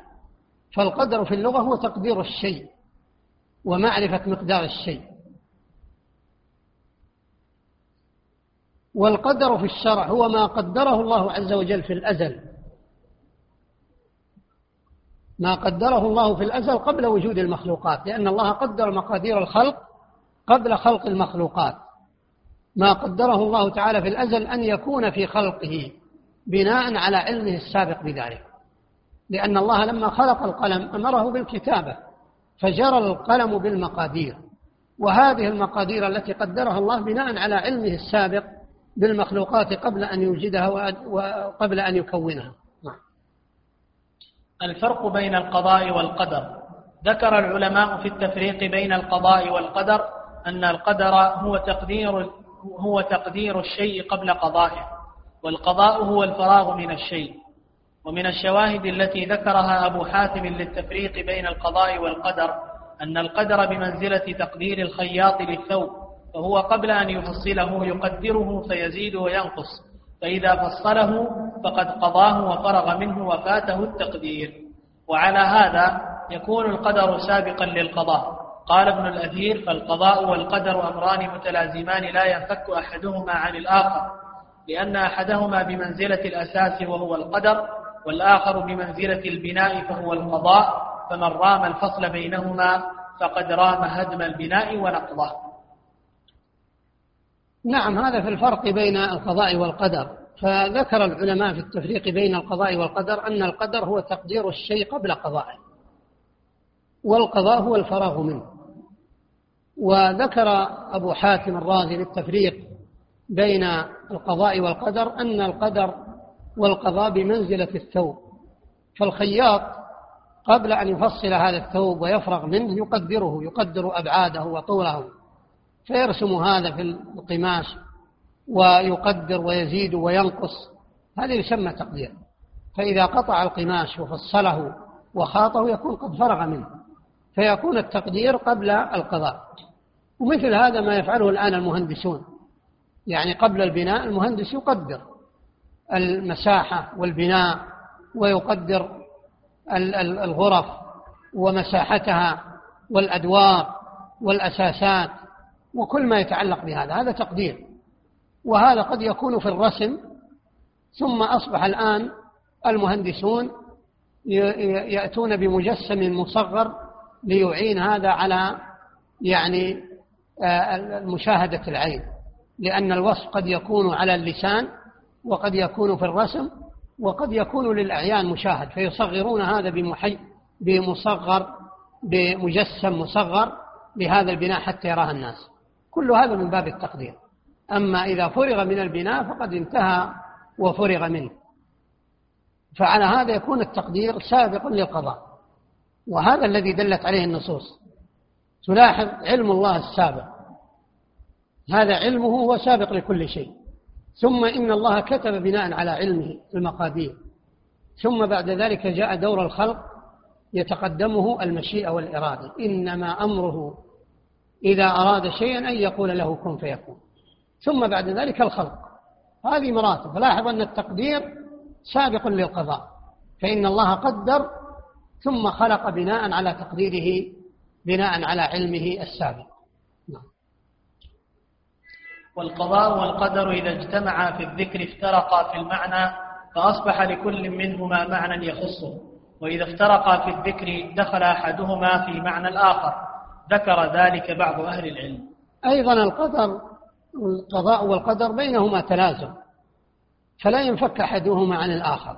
ولهذا يعبر العلماء بأحد الأمرين عن الثاني ويدخل أحدهما في الذكر في بعض المواطن. فإذا قيل هذا قضاء الله دخل فيه القدر. يعني عندما ترى حادث أو بلاء نزل بالناس تقول هذا قضاء الله. وهل تقصد أن الله خلقه من غير تقدير وقضاه من غير تقدير؟ وإنما يقصد أن الله قضى بناء على تقديره. وأحيانا تقول هذا قدر الله هذا تقدير الله. وأنت لا تقصد أنه تقدير فقط منفصلا عن القضاء. ولهذا القضاء والقدر كما قال العلماء إذا اجتمعا افترقا وإذا افترقا اجتمعا فإذا قلت الإيمان بالقضاء دخل فيه القدر. وإذا قلت الإيمان بالقدر دخل فيه القضاء. وإذا جمعت بينهما في الذكر قلت القضاء والقدر فالتقدير سابق والقضاء لاحق. التقدير يرجع إلى العلم والكتابة والقضاء يرجع إلى المشيئة والخلق. نعم. الأدلة على إثبات القدر. الإيمان بالقدر ركن من أركان الإيمان. وقد دلت الأدلة من الكتاب والسنة على إثباته وتقريره. فمن الكتاب قول الله تعالى إنا كل شيء خلقناه بقدر. وقوله تعالى وكان أمر الله قدرا مقدورا. وقوله تعالى وخلق كل شيء فقدره تقديرا. نعم الإيمان بالقدر ركن عظيم من أركان الإيمان ولا يتم الإيمان إلا به وهو الركن السادس من أركان الإيمان كما ذكر النبي صلى الله عليه وسلم هذا في حديث جبريل ودلت عليه الأدلة من الكتاب والسنة. من الكتاب قوله تعالى إن كل, إن كل شيء خلقناه بقدر. إن كل شيء خلقناه بقدر. وهذا دل على أن كل الأشياء المخلوقة أنها مقدرة وأن الله قدر مقاديرها قبل خلقها وقوله وكان أمر الله قدرا مقدورا. وكان أمر الله قدرا مقدورا وهذا دليل على تقدير الله عز وجل لسائر الأمور. وكان أمر الله قدرا مقدورا أي أن سائر آه، الأمور التي أوجدها الله عز وجل وخلقها فهي مقدرة من الله عز وجل. وقوله وخلق كل شيء فقدره تقديرا وخلق كل شيء فقدره تقديرا. وقد يستشكل هنا أنه ذكر الخلق ثم ذكر التقدير. ولا إشكال فإن الترتيب أحيانا قد يكون من باب الترتيب الذكري وليس المقصود به المعنوي. مثل إذا جاء زيد ثم جاء بعده عمر فأنت تريد الإخبار عن مجيئهما فتقول جاء عمرو وزيد. وأنت لا تستلزم في أن تقدم المقدم وإنما أردت الإخبار من حيث الجملة. أما إذا أردت الترتيب فأنت تذكر المقدم. فأحيانا تأتي الإخبار تأتي الإخبار عن الإخبار جملة ويكون الترتيب ليس المقصود به الترتيب يعني التدرج في وقوع الشيء وإنما المقصود الإخبار بهذه الأمور. وقوله وخلق كل شيء فقدره تقديرا دليل على أن الله خلق وقدر أن الأشياء خلقها الله عز وجل وقبل خلقها قدرها وهي مقدرة عنده ثم بعد ذلك خلق هذه المخلوقات بناء على هذا التقدير. نعم. وأما السنة فقد دلت كذلك على إثبات القدر في أحاديث كثيرة منها حديث جبريل وسؤاله للنبي صلى الله عليه وسلم عن عن أركان الإيمان فذكر منها والإيمان بالقدر خيره وشره. وقد تقدم الحديث بنصه في مبحث الملائكة.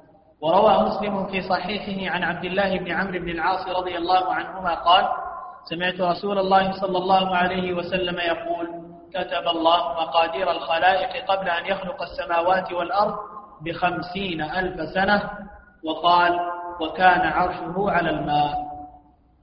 آه، ثم دلت السنة أيضا على وجوب الإيمان بالقدر ومن هذا حديث جبريل الحديث المشهور الذي سأل فيه جبريل النبي صلى الله عليه وسلم عن الإسلام والإيمان ومن إجابة النبي صلى الله عليه وسلم لما سأله عن الإيمان أنه أخبر عن أركان الإيمان وذكر منها القدر قال وأن تؤمن بالقدر خيره وشره كذلك من الأدلة حديث عبد الله بن عمرو بن العاص رضي الله عنهما قال سمعت رسول الله صلى الله عليه وسلم يقول كتب الله مقادير الخلائق قبل أن يخلق السماوات والأرض بخمسين ألف سنة هذا دليل على أن التقدير سابق للقضاء.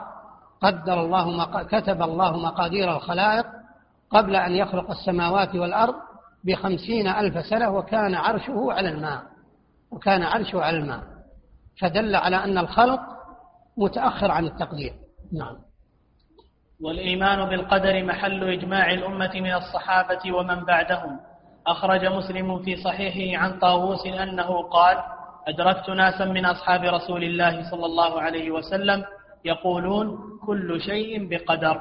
قال وسمعت عبد الله بن عمر رضي الله عنهما يقول قال رسول الله صلى الله عليه وسلم كل شيء بقدر حتى العجز والكيس أو الكيس والعجز. والكيس ضد العجز وهو النشاط والحفظ بالأمور. قال, النو... قال الإمام النووي تظاهرت الأدلة القطعية من الكتاب والسنة وإجماع الصحابة وأهل الحل والعقد من السلف والخلف على إثبات قدر الله سبحانه وتعالى. آه، أيضا مما دل على وجوب الإيمان بالقدر الإجماع كما نقل طاووس قال أدركت ناسا من أصحاب رسول الله صلى الله عليه وسلم يقولون كل شيء بقدر. قال وسمعت عبد الله بن عمر يقول قال رسول الله صلى الله عليه وسلم كل شيء بقدر حتى العجز والكيس أو الكيس والعجز. فهذا دليل على إجماع الصحابة كذلك من بعدهم وما زالت الأمة إلى هذا اليوم مجمعة على وجوب الإيمان بالقضاء والقدر. قوله كل شيء بقدر حتى العجز والكيس العجز هو الضعف وعدم القدرة والكيس هو المعرفة والخبرة والحذاقة بالأمور. فعجز العاجز وكيس الكيس كل هذا مقدر. وإنما ذكر هذا لأن بعض الناس يعني يغتر بهذه الأمور. فإذا رأى حاذقا وفعل شيئا اغتر بذلك وكأنه ينسب هذا إلى الحاذق يقول ليس هذا بعجيب لأن فلان ماهر بكذا فيقال حتى الكيس مقدر من الله. وإذا أخفق إنسان يقال هذا معروف أنه مقصر أو أنه غير قادر حتى هذا مقدر إذا يعني كل ما يحصل لصاحب الفطنة والذكاء من التوفيق والإصابة هو مقدر وما يحصل لصاحب الضعف والعجز من الخلل ومن التقصير كله مقدر من الله. ولكن جعل الله عز وجل لكل شيء سببا. وأحيانا قد يتخلف السبب فقد يوفق العاجز وقد يخذل الذكي الفطن لأن الأمور كلها بيد الله عز وجل. المبحث الثاني مراتب القدر. للقدر أربع مراتب دلت عليها النصوص وقررها أهل العلم وهي المرتبة الأولى علم الله بكل شيء من الموجودات والمعلومات والممكنات والمستحيلات وإحاطته بذلك علما فعلم ما كان وما يكون وما لم يكن لو كان كيف يكون. وقد دل على ذلك قوله تعالى لتعلموا أن الله على كل شيء قدير وأن الله قد أحاط بكل شيء علما. وفي الصحيحين من حديث ابن عباس رضي الله عنهما قال سئل النبي صلى الله عليه وسلم عن أولاد المشركين فقال الله أعلم بما كانوا عاملين. في هذا المبحث ذكر مراتب القدر وللقدر أربع مراتب ذكرها العلماء. والإيمان بها هو إيمان بالقدر والتكذيب بشيء منه هو تكذيب بالقدر. وهذا الاستقراء وهذا التقسيم مأخوذ من الكتاب والسنة والأدلة عليه بينة ظاهرة. ولهذا من كذب بشيء من هذه المراتب فهو مكذب بالقدر. هذه المراتب مرتبة العلم مرتبة الكتابة مرتبة المشيئة ومرتبة الخلق. المرتبة الأولى العلم وهي علم الله بكل شيء من الموجودات. ونقصد بالعلم العلم السابق. وكذلك علم الله بها عند وجودها وبعد وجودها. علم الله بكل شيء من الموجودات والمعدومات. الموجود ما خلقه الله عز وجل وأوجده والمعدوم ما لم يخلقه الله. والممكنات هو ما لم يترجح فيه لا الوجود ولا العدم. كما يقول أهل الكلام ما ليس وجوده بأقرب إليه من عدمه بالنظر إلى ذاته. هذا هو الممكن. ويقولون في تعريف آخر ما لا يترجح فيه الوجود ولا العدم بالنظر إلى ذاته. مثال ذلك تقول الولد لزيد المتزوج ولم يولد له. تقول هذا ممكن. وليس بمستحيل. فلا تقطع بوجوده ولا تقطع بعدمه. فهو بالنظر إلى ذاته بالنظر إلى السبب للزوج والزوجة فهذا الممكن لا يمكن أن يقع. إلا أن يوجد الخالق المؤثر في وجوده وهو رب العالمين. فإذا قضى الله بوجود هذا الولد وجد. وإذا قضى بعدم وجوده لم يوجد. فالممكن لا يترجح فيه الوجود ولا العدم بالنظر إلى ذاته. لكن إن وجد الخالق الذي أراد أن يخلق وجد. وإذا لم يوجد الصانع مثل وجود شيء الآن بناء في صحراء من غير مهندس ومن غير من يقوم بالبناء هذا لا يوجد الآن. ومن الأمور الممتنعة أن يوجد الشيء بنفسه. وأما الله فالله على كل شيء قدير لكنه من حكمته أنه جعل الأشياء مترتبة على أسباب. والمستحيلات هو ما لم يمكن وجوده. المستحيل هو الممتنع وهو ما لم يمكن وجوده مثل وجود الولد للحجر. وجود الولد لزيد متزوج ممكن. وجود الولد للحجر مستحيل. فالله عز وجل عالم بهذه الأشياء عالم بالموجودات والمعدومات والممكنات والمستحيلات. وإحاطته بذلك علما. فعلم ما كان وما يكون. ما كان ووجد وما يكون في المستقبل. ما كان الآن ووجد وما يكون في المستقبل وما لم يكن من الأمور المستقبلية لو كان كيف يكون. بل علم ما لا يكون لو كان كيف يكون. وقد دل على ذلك قول الله تعالى لتعلموا أن الله على كل شيء قدير وأن الله قد أحاط بكل شيء علما. أحاط بكل شيء علما بالزمان والمكان بالمستقبل والماضي والحاضر فعلمه قد أحاط بكل شيء. وفي الصحيحين من حديث ابن عباس رضي الله عنهما قال سئل النبي صلى الله عليه وسلم عن أولاد المشركين فقال الله أعلم بما كانوا عاملين. سئل عن أطفال المشركين ما هم؟ هل هم مؤمنون أو كفار؟ لأنك إذا نظرت إليهم لم يبلغوا سن التكليف ولم يخاطبوا. وإذا نظرت إلى حالهم أنهم أبناء الكفار لو أنهم بلغوا سن تكليف لكانوا على دين آبائهم. فسئل النبي صلى الله عليه وسلم عن هؤلاء فأجاب إجابة عظيمة لأنه ليس لنا مصلحة بمعرفة هؤلاء ولأن جزاءهم إلى الله. قال الله أعلم بما كانوا عاملين. يعني لو أنهم عاشوا وبلغوا سن التكليف فالله أعلم بما كانوا عاملين.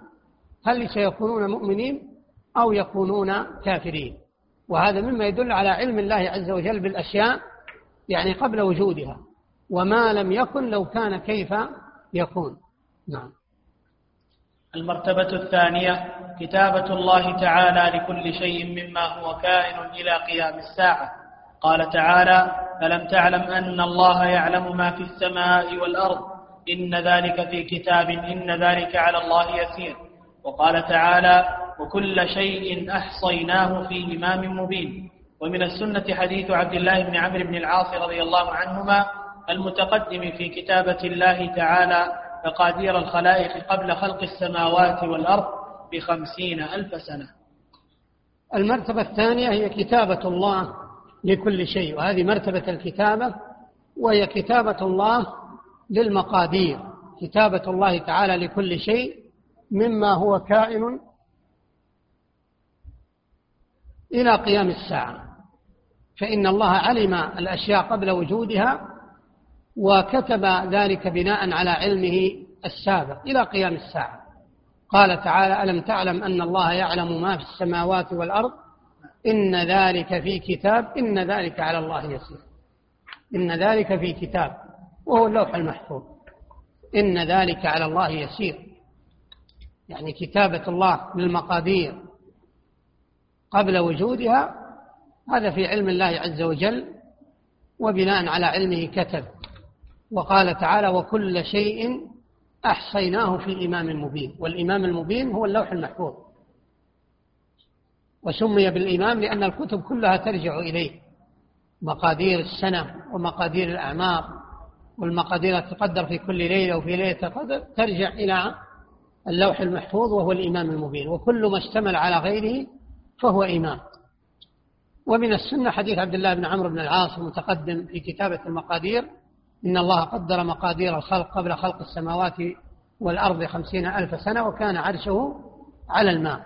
فهذا مما يدل على كتابة الله عز وجل وعلى كتابة الله للمقادير قبل وجودها. نعم. المرتبة الثالثة المشيئة فإن ما شاء الله كان وما لم يشأ لم يكن. قال تعالى إنما أمره إذا أراد شيئا أن يقول له كن فيكون. وقال تعالى وما تشاءون إلا أن يشاء الله رب العالمين. وأخرج الشيخان من حديث أبي هريرة رضي الله عنه عن النبي صلى الله عليه وسلم أنه قال لا يقولن أحدكم اللهم اغفر لي إن شئت اللهم ارحمني إن شئت ليعزم, ليعزم, ليعزم في الدعاء فإن الله صانع ما شاء لا مكره له. المرتبة الثالثة المشيئة. فإنه ما شاء الله كان وما لم يشأ لم يكن. وهذه المشيئة هي مقدمة للخلق. وهناك ارتباط بين العلم والكتابة. لاحظ علم الله والكتابة لأن الكتابة للعلم السابق والمشيئة مقدمة للخلق لأن الله عز وجل قبل أن يوجد شاء. ولهذا قال إنما أمره إذا أراد شيئا أن يقول له كن فيكون. ولهذا بعض أهل العلم يجعل القدر على مرتبتين يعني مرتبة العلم والتقدير ومرتبة الخلق والإيجاد. لأن المشيئة مقدمة للخلق والإيجاد والكتابة متممة للعلم. يعني من ثمار العلم كتابة الله عز وجل للمقادير. فهذه المشيئة هي المقدمة للخلق فإن الله قدر مقادير الخلق وهذا التقدير سابق لوجودها. فإذا أراد الله أن يخلق هذا المقدر الذي قدره وكتبه عنده شاء أن يوجد فإذا شاء أن يخلقه أمره بكن. إنما أمره إذا أراد شيئا أن يقول له كن فيكون. كما قال تعالى إنما أمره إذا أراد شيئا أن يقول له كن فيكون. لاحظوا المشيئة إذا أراد شيئا فدل على أن الخلق تتقدمه المشيئة. وقوله وما تشاءون إلا أن يشاء الله رب العالمين. ما تشاءون إلا أن يشاء الله. مشيئتكم مخلوقة. ولا تكون إلا بمشيئة الله. فدل على أن سائر المخلوقات لا تكون إلا بمشيئة الله. لأن فعل العبد ومشيئته مخلوقة لله. ولهذا من حكمة الله أنه يخلق الإرادة في العبد قبل الفعل. ولو شاء الله أن يصرف العبد عن الفعل آه، لم يكرهه ولم يجبره. ولهذا قال العلماء القول بأن الله يجبر العباد إن الله أعظم وأجل من أن يقال أنه يجبر. لأنه لو شاء أن يصرف العبد عن الفعل لمنعه الإرادة ولم يخلق في قلبه إرادة أصلا فلا يفعل. وهذا بخلاف الناس اليوم فإن الإنسان قد يريد الشيء ويشرع فيأتيه من يكرهه على عدم الفعل. أما رب العالمين فهو أجل وأعظم. لو أراد شيئا فإنه لا يخلق الإرادة في العبد بل لو خلق الإرادة في العبد وشاء العبد أن يفعل ما أعطاه القدرة على إرادته. ولهذا ما من إرادة في المخلوقين إلا وهي ناقصة كما قال الله عز وجل وما تشاءون إلا أن يشاء الله رب العالمين فإذا قدر الله عز وجل هذه المشيئة أن تنفذ نفذت. وإلا فمشيئة العبد قاصرة ومشيئة الله نافذة. ولهذا لما جاء الرجل للنبي صلى الله عليه وسلم قال ما شاء الله وشئت. قال أجعلتني لله ندا. بل ما شاء الله وحده. يعني لاحظوا فقه هذا الحديث. النبي صلى الله عليه وسلم له مشيئة. والله له مشيئة. وما هو خطأ؟ الرجل ما شاء الله وشئت. أرشده النبي صلى الله عليه وسلم إلى أن المشيئة النافذة هي مشيئة الله. وأما مشيئته وإن كانت ثابتة فهي قاصرة. ولهذا قال بل ما شاء الله وحده. فهل يعني هذا أنه يقول عليه الصلاة والسلام ليس لي مشيئة؟ لا. لكن هذه المشيئة النافذة هي مشيئة الله وحده. وأما العبد فله مشيئة ولكنها قاصرة.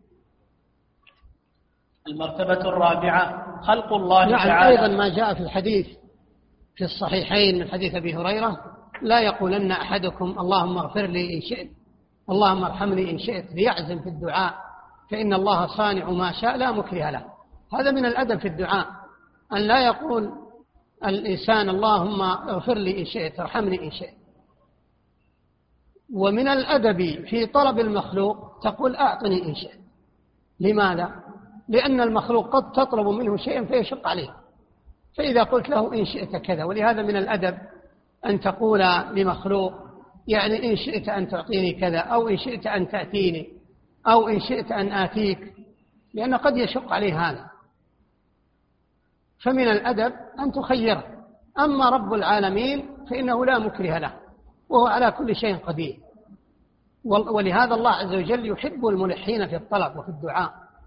لا يقول أحدكم اللهم اغفر لي إن شئت. اللهم ارحمني إن شئت. لأنه على كل شيء قدير.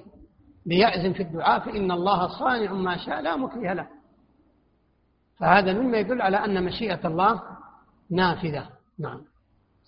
المرتبة الرابعة خلق الله تعالى للأشياء وإيجادها وقدرته الكاملة على ذلك. فهو سبحانه خالق لكل عامل وعمله. وكل متحرك وحركته وكل ساكن وسكونه.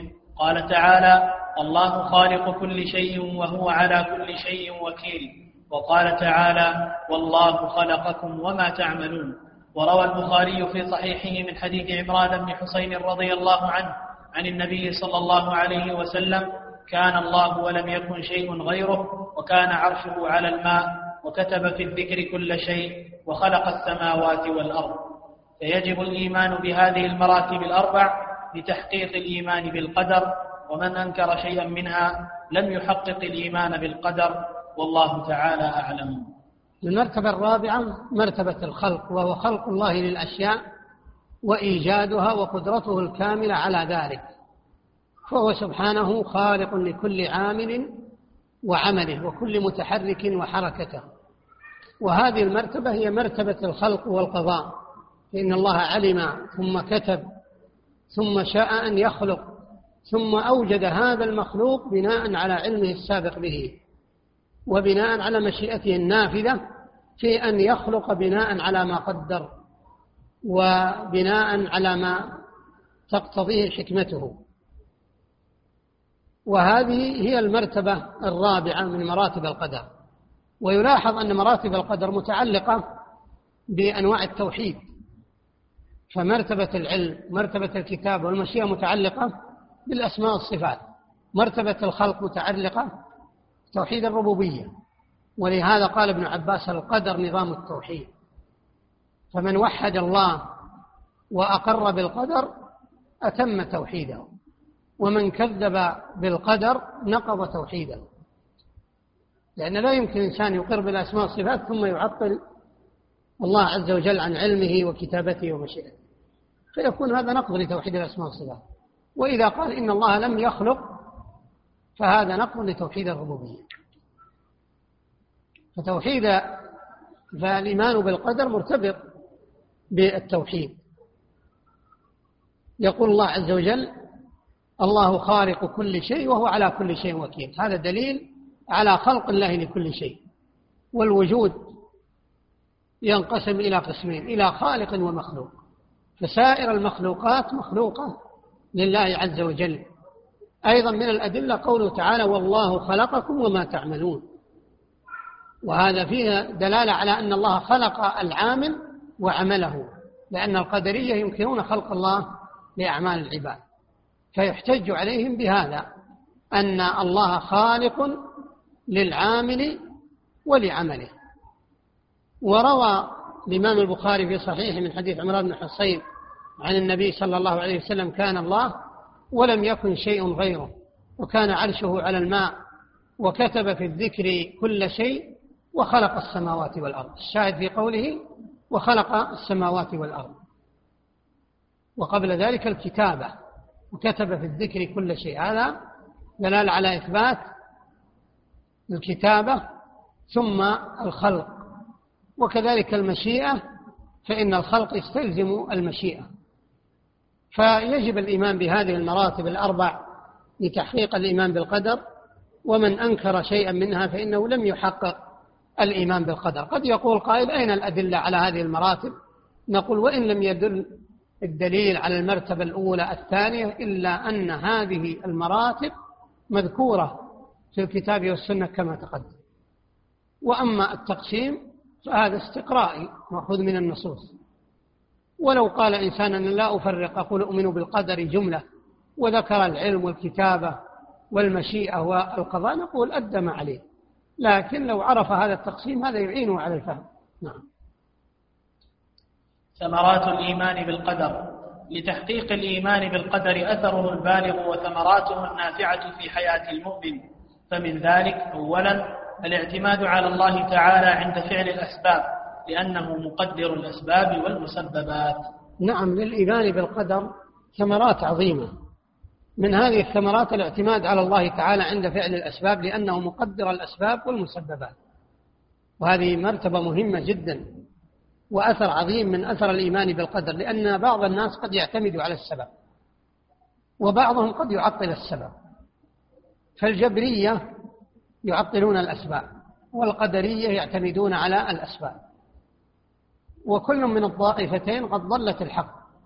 والصحيح ما عليه أهل السنة وهو فعل السبب والاعتماد والتوكل على الله. كما قال الرجل الذي له ناقة فقال للنبي صلى الله عليه وسلم أعقلها أم أتوكل؟ قال اعقلها وتوكل. اعقلها وتوكل. اعقلها افعل السبب. وتوكل على الله. فلم يقل له توكل ولا تعقل. ولم يقل له اعقل ولا تتوكل. وهكذا نحن الآن نقول افعلوا السبب وتوكلوا على الله. لا تقل لو شاء الله أن يرزقني العلم لرزقني أبقى في بيتي لا. لا بد من بذل السبب. ولا تقل أبذل السبب وسيحصل العلم من غير توكل ستخذل إذا تعلم وتوكل. اعبد الله وتوكل على الله في القبول. تصدق وتوكل على الله في القبول. حقق الأسباب واسأل الله عز وجل أن يوفقك للإصابة. نعم. ثانيا راحة النفس وطمأنينة القلب إذا أدرك العبد أن كل شيء بقضاء الله وقدره. نعم. هذه ثمرة عظيمة من ثمرات الإيمان بالقضاء والقدر راحة النفس وطمأنينة القلب. فإن الإنسان لا يأس على ما فاته لأنه لم يقدر له ولا يطلب ما لم يحصل له لأنه لو قدره الله لأتاه.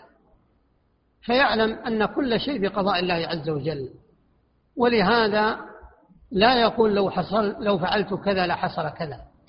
لأن هذه لو تفتح عمل الشيطان كما قال النبي صلى الله عليه وسلم. ولكن يقول قدر الله وما شاء فعل. لكن إذا فعل شيئا وأخطأ فإنه يتوب ويستغفر ويعلم أن خطأه من جهته. وإذا قدر الله عليه شيئا ولم يعلم له سببا فيحسن الظن في الله عز وجل ويسأل الله عز وجل الخير ويسأل الله دفع البلاء. نعم. ثالثا طرد الإعجاب بالنفس عند حصول المراد لأن حصول ذلك نعمة من الله بما قدره من أسباب ذلك الخير والنجاح فيشكر الله ويدعو الإعجاب. نعم طرد الإعجاب بالنفس والكبر عندما يحصل الشيء المسبب. وهذا المشهد يذهب بالكبر من أصله. لأن الإنسان لو تأمل أن الله هو الذي جعل فيه هذه الإرادة للعمل وهو الذي أعطاه القدرة عليه وهو الذي وفقه لهذا وأنه لولا الله ما حصل له هذا الشيء. فكيف يعجب بعمله من يعلم أن الله هو الذي خلق فيه الإرادة وهو الذي أعانه وهو الذي يسر له السبب وهو الذي وفقه؟ فمن هنا يحصل العكس. يحصل التواضع التام والذل والانكسار بين يدي الله ويعلم أنه عبد متنعم عليه عبد متفضل عليه. فإذا رأيت أن الله وفقك لشيء فانظر إلى من خذل.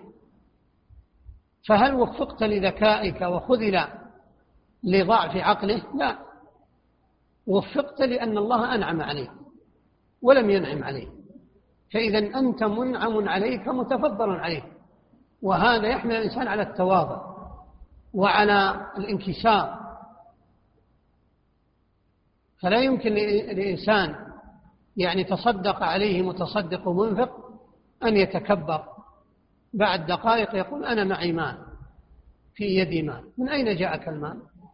هو الذي أعطاك. فكيف يتكبر المسكين؟